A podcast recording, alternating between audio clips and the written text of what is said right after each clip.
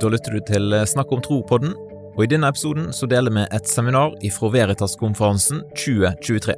Veritas-konferansen er et samarbeid mellom Bibelskolen i Grimstad, Laget og Kommunikasjon og livssynsstudiet ved NLA Kristiansand. For mer informasjon, sjekk ut veritasnorge.no.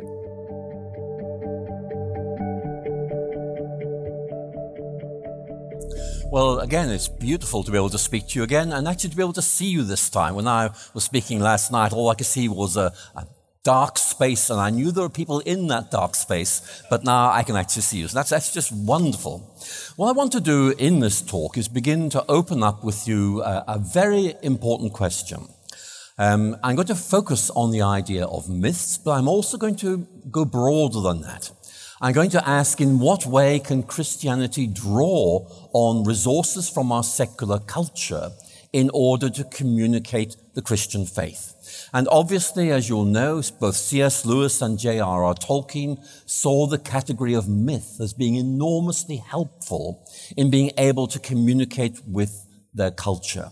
I'm going to talk about that because it's really important. But I want to set the context because the context has always been Christianity is located in a culture. How do we speak to that culture? What kind of bridges can we build to that culture? And how can we, in effect, use ideas that are already there in the culture as a kind of bridge for the Christian faith? So, in other words, what you're trying to do is to speak to a culture and use ideas that it's already familiar with and allow these to become bridges or channels for the Christian faith. Now, many of you, of course, I know are really interested in the whole area of Christian communication, and actually, this is an excellent example of this particular issue. And this is something that Christians have always had to wrestle with. Um, in the early church, um, Christians had to work out how they could use ideas that were there in secular culture, like Platonism, and they developed all kinds of ways of using these ideas to build bridges between the Christian faith and the culture.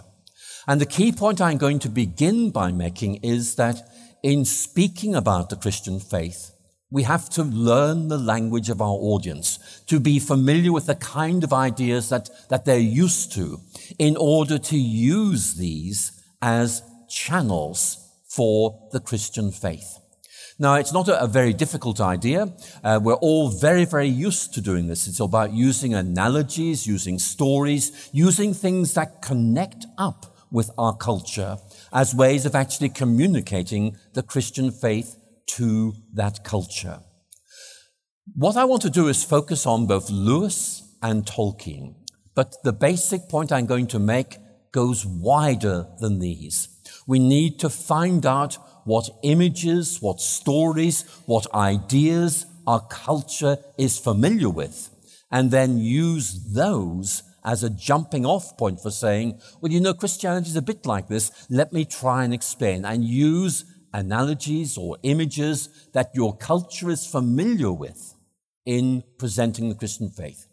If you want some examples, think of the Gospels. Think of Christ and the parables. What is he doing? He's using scenarios, seeds growing, sheep getting lost, as ways of communicating with an audience and using everyday things that they're familiar with as a way of building bridges to the kingdom of God. So, what we're going to do is focus on Lewis on the idea of myth. Lewis, as a young man, loved Nordic mythology. So there's a very strong connection with this region of the world. And at several points in his letters and in Surprised by Joy, Lewis will talk about his his sense of wonder and delight at the pagan myths. And this is when he was not a Christian. He just found that there was something very striking, very majestic about Nordic mythology. And he would use the idea of northernness, northernness, to designate a way of speaking about the world, which in effect was about vastness, about purity, about something that was really transcendent and significant, even though at that stage, Lewis was not a, was not a Christian. He, in effect, was very, very drawn to these pagan myths. And then Lewis became a Christian. And you know the story of how that happened. Lewis gradually began to feel that God was drawing very close to him. He began to feel that God was in effect imposing himself on him. And we have that um, beautiful scene he describes in Surprised by Joy, which was echoed in the film you may have seen last night, whereby Lewis just felt overwhelmed by the reality of God and as a result, he said, he became the most uh, reluctant convert in all England, forced to admit that God was God and giving in to God, and then growing in his faith. Now, obviously, when you become a Christian, you find you have to make changes and adjustments. And one of the things that Lewis was worried about was this. He now loved God. That was really very, very important to him. But he also realized that he still liked Nordic mythology. And the question he had to ask was, does becoming a Christian mean I have to give up on my love of Nordic mythology? Now, I'm sure many of you who've experienced conversion, as Lewis did, as I did many years ago, um, will know this problem. I become a Christian. Does this mean I give certain things up? Uh, how do I recalibrate my whole existence? And Lewis went through this process. And Lewis was beginning to think maybe I need to leave behind the whole idea of myth, the whole idea of um, Nordic mythology. And if so, I'd be very sad to do so. But if it was necessary, he felt he would. And then he had a conversation with J.R.R. Tolkien in September 1931. You all know who um, J.R.R. Tolkien is. He's a very well known Oxford professor of philology who, um, like Lewis, had a deep affection for the Nordic nations and their mythology. In fact, I, I, don't know if you know this, but um, in England for a long time there was a practice of having what we call au pair girls. This would be girls who spend a year in England learning English, and they would stay with a family. They'd help look after children, and then they would go back. And when I was giving a lecture in Iceland about 10 years ago, I met a lot of now quite elderly ladies who had been au pair girls for the Tolkien family in Oxford. And Lewis had used uh, the, these girls to help, help him with his Icelandic. So he, they found them very, very helpful. But they also, I think, helped Tolkien develop his understanding of mythology. What Tolkien said is this. Now, you don't, you don't have to say Tolkien is right, but I'm going to tell you this is interesting. And then we're going to explore how Lewis develops this and then we're going to think about how might we be able to use this. So that's where I'm going, but we're with Tolkien at the moment. Tolkien argued that we bear the image of God.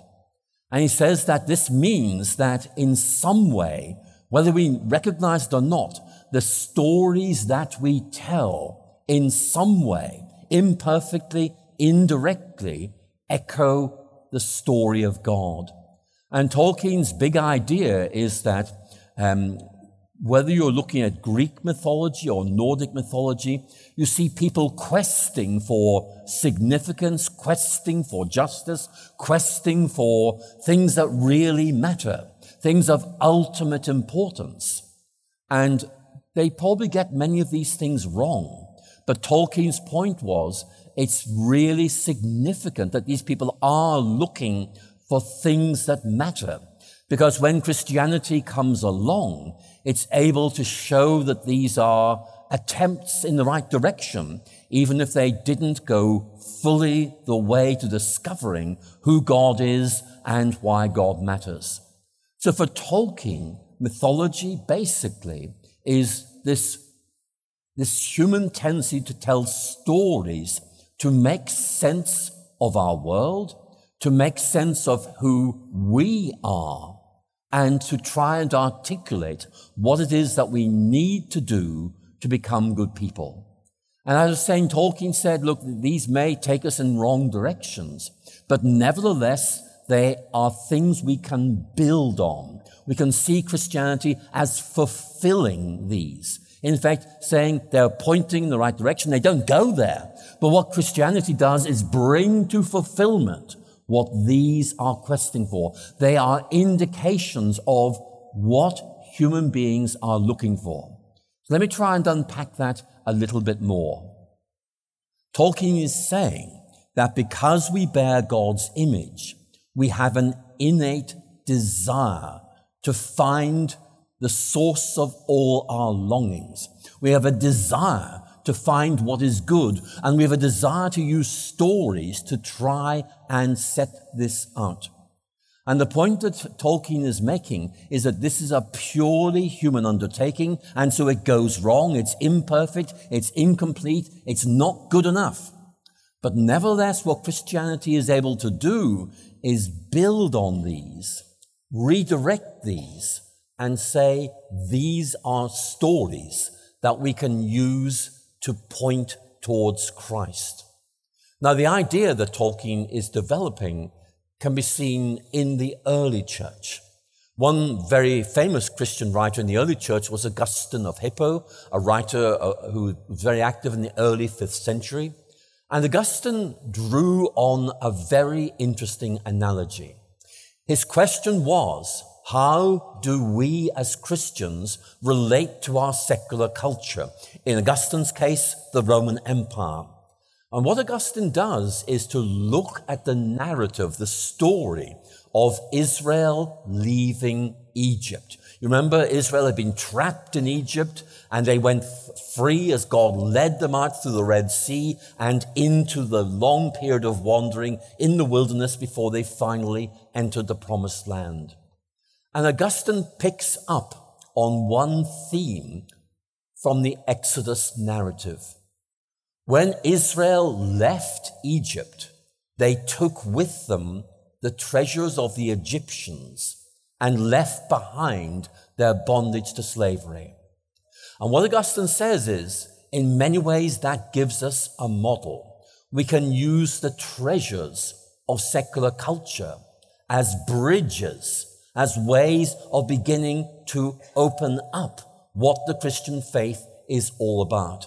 It's all about communicating using language, using stories, using images that our secular culture is familiar with, and then being able to use these as a way of bringing the Christian faith to their attention. That's what Augustine is saying, and that is what Tolkien is doing in his own way.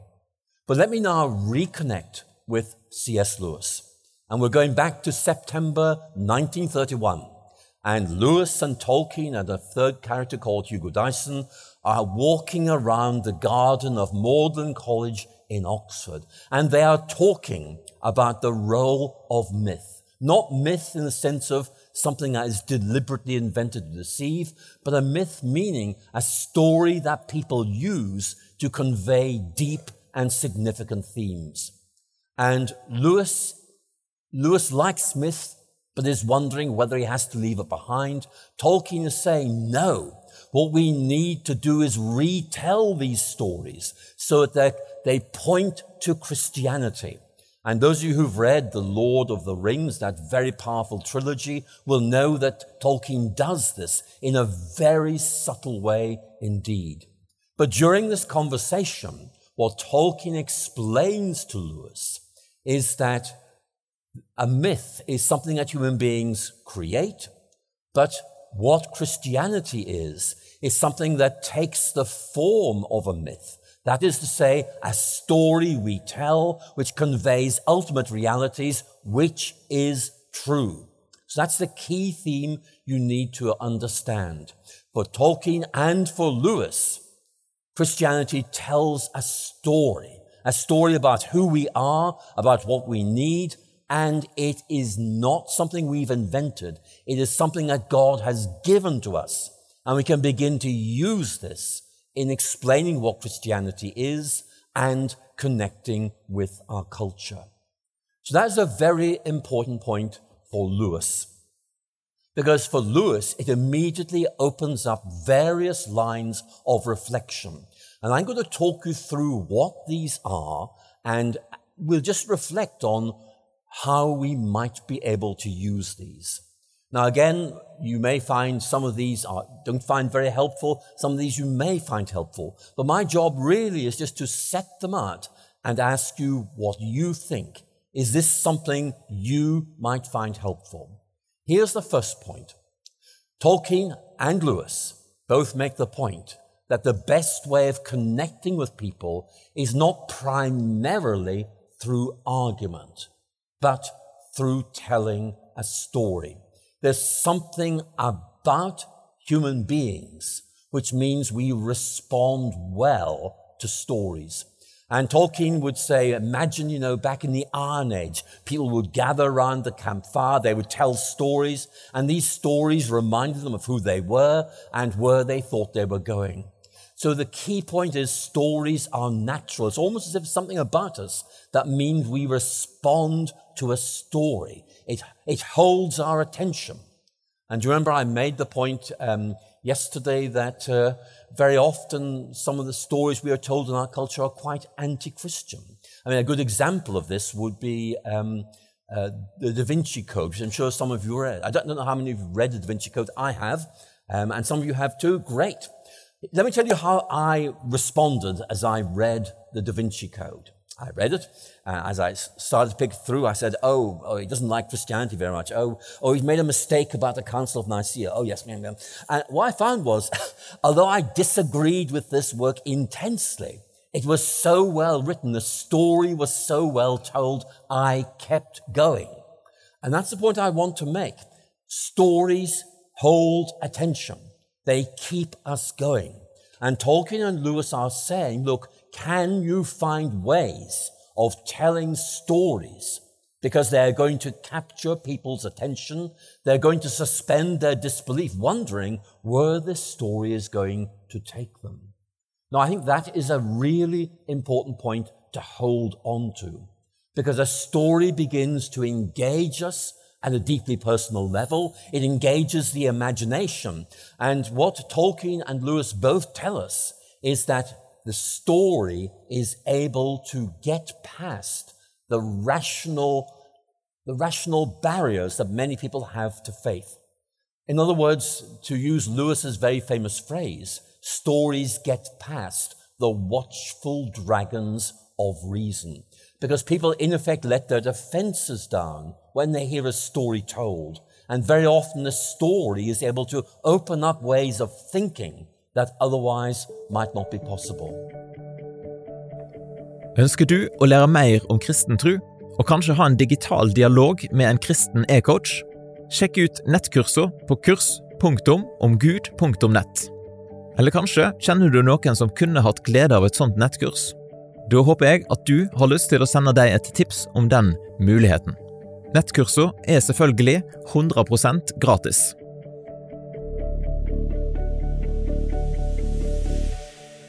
So obviously, in Surprised by Joy, Lewis is telling the story of his own conversion. And it's actually quite well told, but he takes a long time to do it, and maybe he loses his audience's attention. But I want to make a very obvious connection. And the very obvious connection is this. Each of you has a story that you can tell. It may be a story of um, how you came to faith. It may be a story of how you've loved God ever since you can remember loving anything because you've been brought up in a loving family environment in which the love of God became known to you from a very, very early age. But these stories will make a difference. Let me tell you very briefly how I came to realize the importance of this. Um, as many of you will know, I was an atheist as a teenager. I was very aggressively atheist. In fact, um, when I read Richard Dawkins, I very often get a bit nostalgic because that's the way I used to be when I was 16. But, but I moved on since then.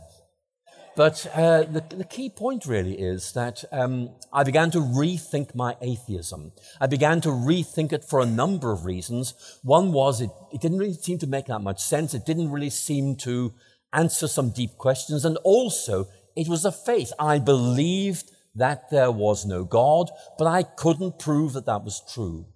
So I went up to Oxford University to study natural sciences. And while I was there, I talked to Christian students and they told me their stories. Stories of how they came to faith, stories of what their faith meant to them. And those stories really connected with me very, very deeply.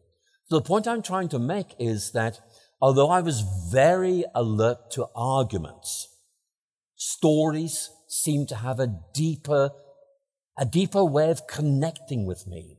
And that's why I want to make a point that I think is really important. Because many of you will feel that, you know, arguments are intellectual, they're heavyweight. Stories, I mean, surely they're lightweight. Surely they're, they're not that important. What I want to say to you is something that I think is really important. That Lewis brings this point out time and time again. That what a story is able to do is communicate something that is real. That as you tell your story, what you are saying is, I have found something transformative and real that is able to change my life. And so when you talk about this with your non-Christian family or friends, what you're doing is not arguing with them. You're witnessing. You're showing, not telling. And the point I want to make is even if you feel you are not good at argumentation, you can tell your story because the story really is able to connect with people in a deep way. So I want you to remember that. The second point that Lewis makes very, very clearly is that myths appeal to the imagination. Now, in saying that, he is not sidelining the importance of reason. He's not saying you have to choose between reason and imagination. He's saying actually you can bring these together as Lewis himself does in his writings. And so what I want you to, to think of is how, how you could get somebody to the point that Pascal describes in his Pensées, where you are in effect saying, somebody comes to the point where they say, I just wish that this was true, but I don't know if it is. The desire is already there, and you can in effect help them to bring them that final stage of the journey. What Lewis is saying is capture somebody's imagination. Tell them of the difference that the Christian faith makes, and then in effect, you can begin to say, here are some reasons for thinking that this is right. Now, that I think is quite an important point because again, you may feel you're not that good at argumentation, but the point is you can plant seeds in somebody's mind that in fact there is something here that is big, significant, and wonderful. And when the time comes, those seeds will grow. I have friends who came to faith quite late in life. And uh, i talked to them about how, how this happened. And very often they would talk about conversations that they had with their family or their friends many years ago, which got them thinking. It did not take them all of the way to faith. But what you see is a gradual progression towards faith, one step at a time. Maybe one conversation with somebody moves them on a little bit, then another conversation, a different bit. But the key point is that these people were witnessing to the impact of people telling their stories of faith, which planted seeds in their mind. And eventually the time came when they felt they too could make that step of faith. So Lewis is, I think, saying to us, let's understand how the imagination works. And that's why I think Lewis's Chronicles of Narnia do help us understand why myth is so important. Because in many ways, if you like, the Chronicles of Narnia are a retelling of the Christian story in ways that are adapted to the way in which our contemporary culture thinks. In other words, if you like, it's a myth for our own times. Myth in the sense of having a literary form of a myth, but nevertheless conveying this deep truth that we call Christianity. So Lewis is trying to say, I'm telling the Christian story in a way that will allow it to connect with the realities of Britain in the 1940s, in the 1950s. And obviously you can see a problem because um, that's Britain, that's 1940s. It's now a very different world. But actually, Lewis's Chronicles of Narnia still speak remarkably well. But the key point is this. Lewis is first of all drawing on this idea that we find in many myths, which is that there is, there is a bigger world than reason is able to find on its own.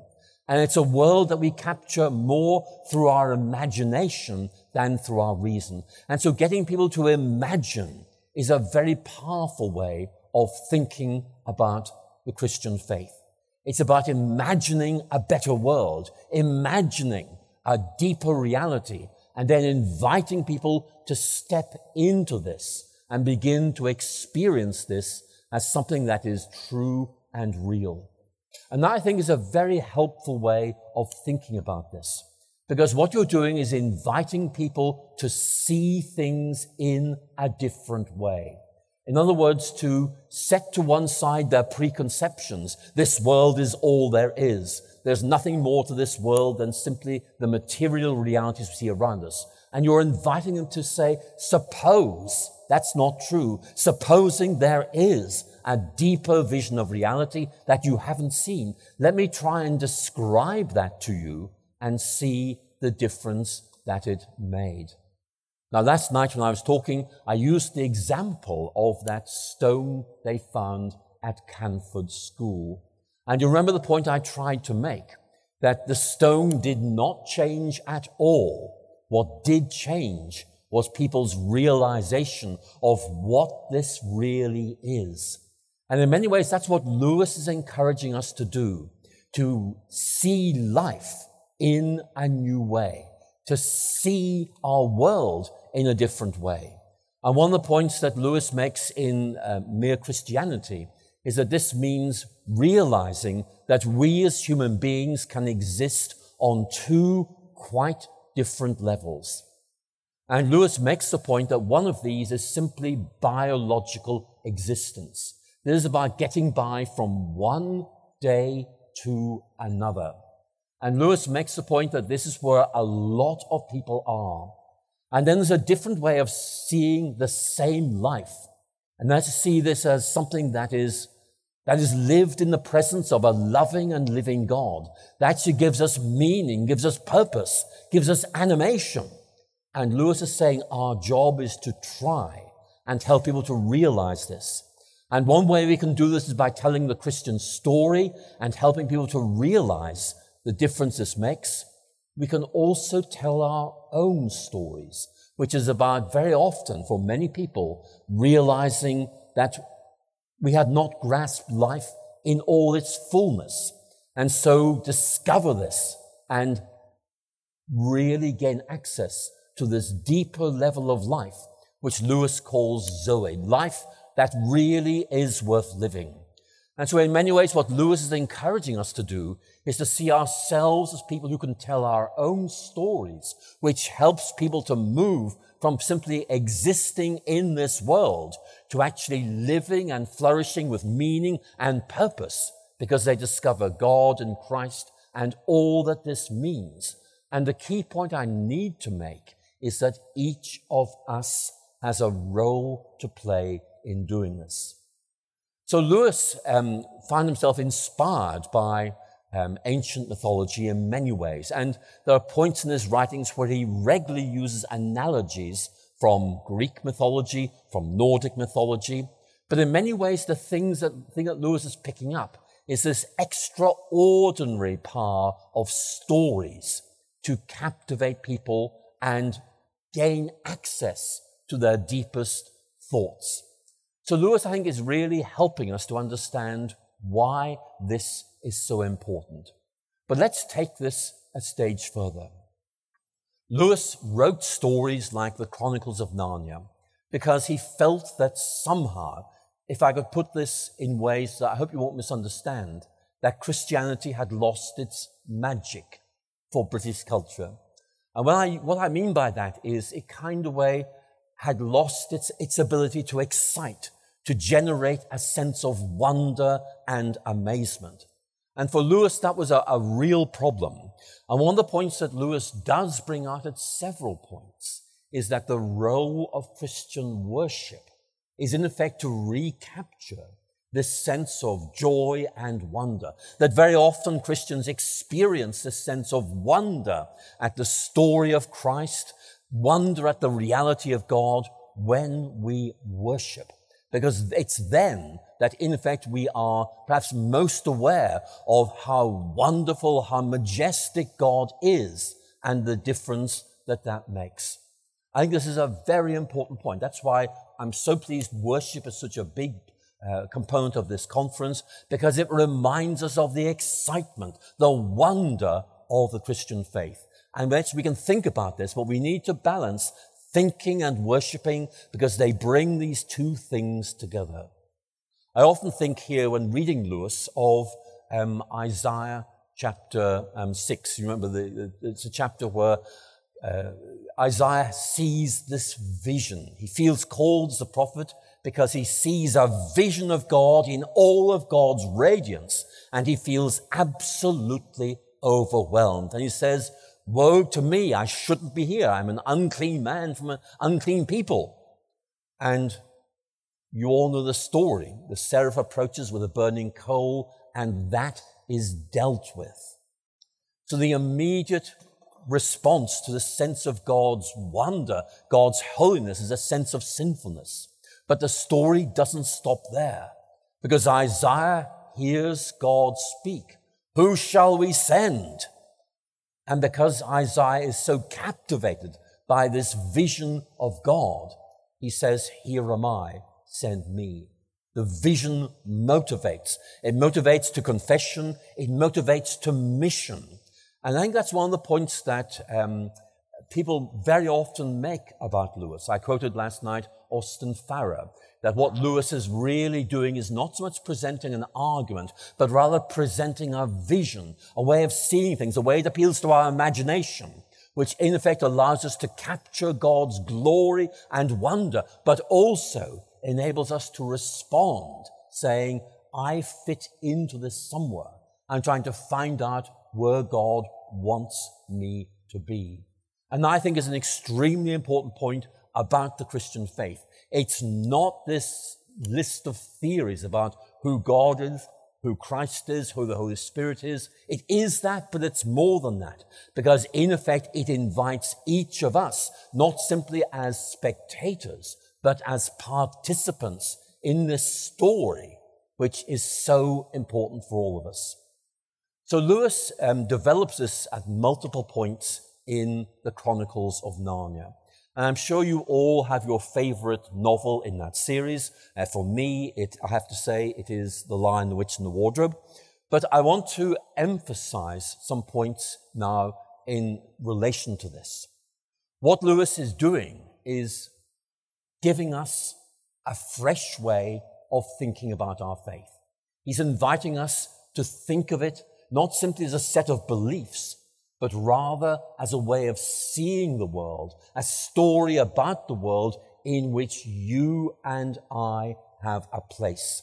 And that idea of participation is so important because it is saying to you, you are not gate crashers who are intruding into this story.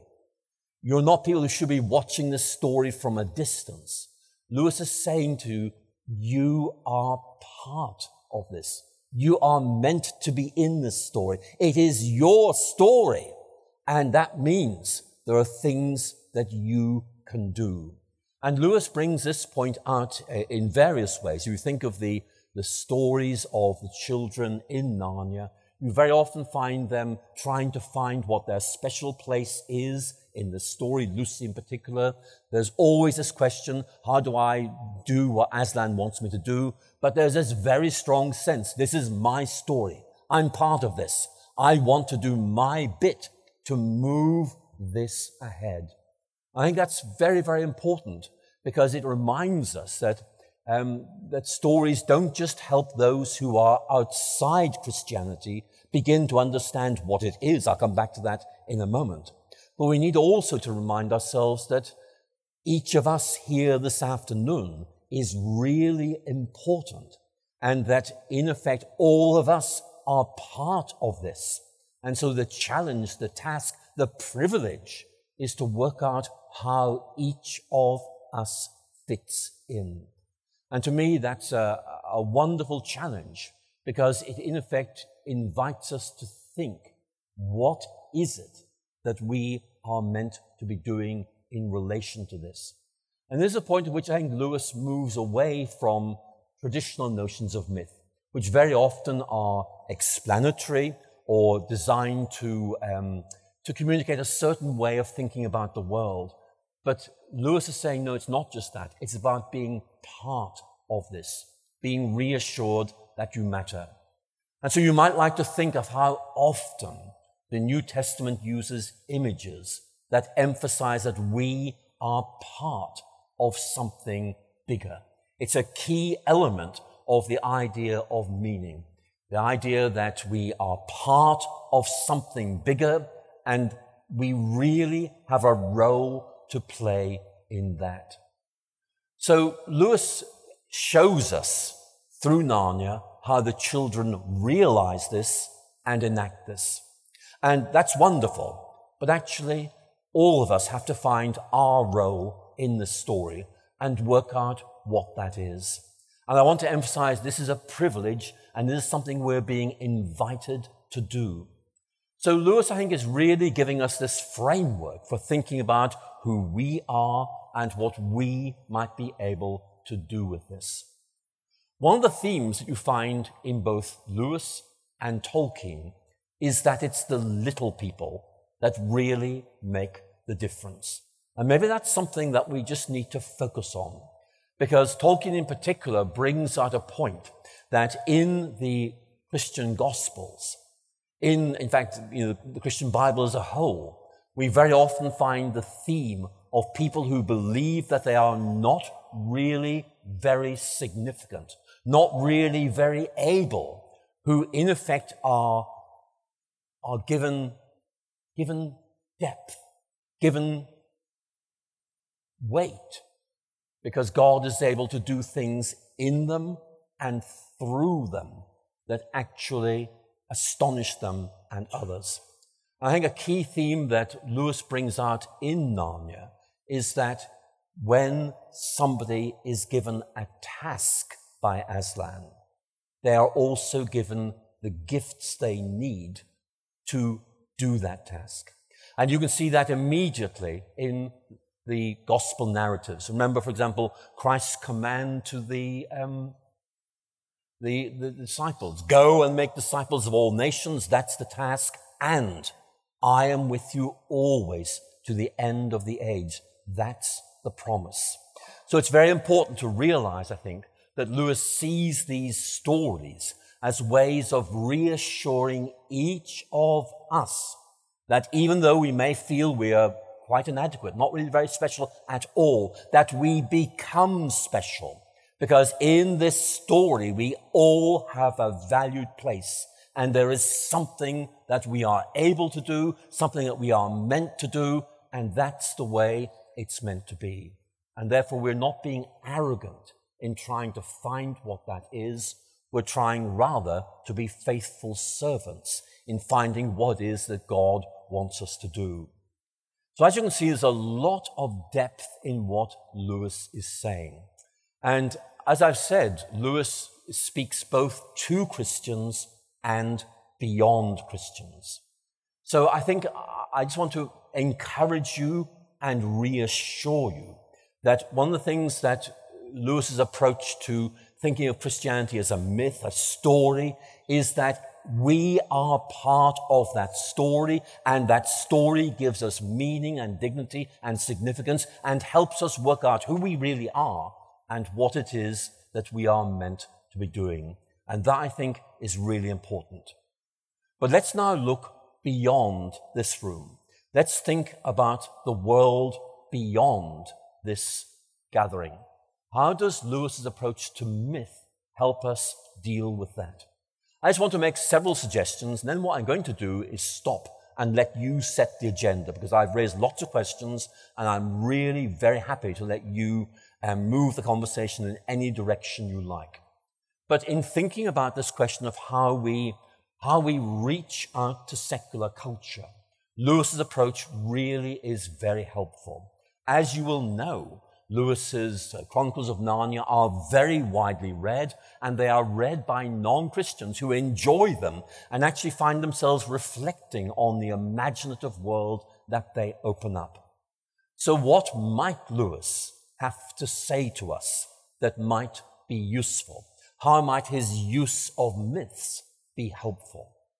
Well, I'm going to make several suggestions, but I also want to make the point that there, there's much more we need to talk about and that's why I'm very happy for you to set the agenda for our conversation once I've talked about this. Here's the first point I want to make. Lewis basically gives us a way of talking about our faith in a way that is not threatening and not confrontational. You can either tell the Christian story you can tell your own story. But in many ways, in doing so, your friends will be interested. But they will also begin to realize that this story is beginning to draw them in, beginning to raise questions for them, which they may want to talk to you about. It may be that they will uh, postpone discussion while they think about it. But the key point is that each of you has a story that you can tell. Maybe it's distinct because of who you are, but the point is that you know people who maybe nobody else does. And therefore you have a way of opening up the Christian faith to people around you. Your story really does matter. And that point I think is really important for Lewis. The appeal to the imagination, telling stories. But there's a second point that Lewis makes, which I think is also important. I hinted at this earlier, and that is learning the language of the people you're speaking to. And Lewis brings this point out very clearly in a lecture of 1945 called Christian Apologetics. And the point he makes is that the good apologist listens before they speak. In other words, what they are trying to do is understand what way do these people think? How do they understand these things? What language do they use? How can I make sure that I'm actually talking about Christianity in language that will connect with this audience? And that basically means that you, you know these people. Now, Lewis is very clear that apologetics is both a science, you need to know all about the Christian faith, but it's also an art. It's a bit like being a medical doctor. Yes, you know the science about drugs and everything, but you also need to talk to your patients, find out what the issues really are, get to understand them, get them to trust you so you can begin to help them see what the problem is and what needs to be done. And that I think is a very helpful analogy for apologetics, not simply a technique, but an art in which you learn how to talk to people, draw close to them, and begin to explain what Christianity is all about. But the point that Lewis is making here is that we really need to be able to use language that connects with people. Lewis, if you like, is saying apologetics is a form of communication where we learn how to talk to people about our faith. And that I think is something that's important. And the final point I want to make about Lewis is simply this. Lewis was an atheist who became a Christian. And he knew why he'd been an atheist. He knew why he had become a Christian. And that means, if you like, that his own personal history made him a particular kind of apologist. He could talk about Christianity to atheists, knowing what points he could emphasize, what, what points he could bring out that would help speak to that audience and help them to connect with Christianity. In other words, Lewis had a personal history, and so do each of us. And one of the questions I think is really helpful to think about is what's in your history that might help you connect with a wider audience? And, and I think that is something that all of us have to think about. In my case, my background is I'm a scientist um, who had to think through um, the relation of my faith and my science when I became a Christian. And so I can talk about that quite helpfully to some people. And also, I, I was a convinced atheist who became a Christian and can talk about that as well. But as you'll have realized, I also discovered C.S. Lewis and found him really helpful as a resource. So very often, as I'm doing this afternoon, I will talk about that. So what I'm going to do now, if I may, is uh, end this formal bit of the presentation. What I have done is talk to you in very general terms about why Lewis thinks myth is so important. Vil du lære mer om kristen trosforsvar? Ta turen på neste Veritas-konferanse, eller sjekk ut ressursene på snakkomtro.no. Du kan òg studere kommunikasjon, livssyn og kristen apologetikk på NLA Høgskolen. Sjekk ut nla.no kl. Setter du pris på at vi deler sånne ressurser via Snakk om tro-podkasten? På damaris.no finner du informasjon om hvordan du kan støtte arbeidet vårt økonomisk.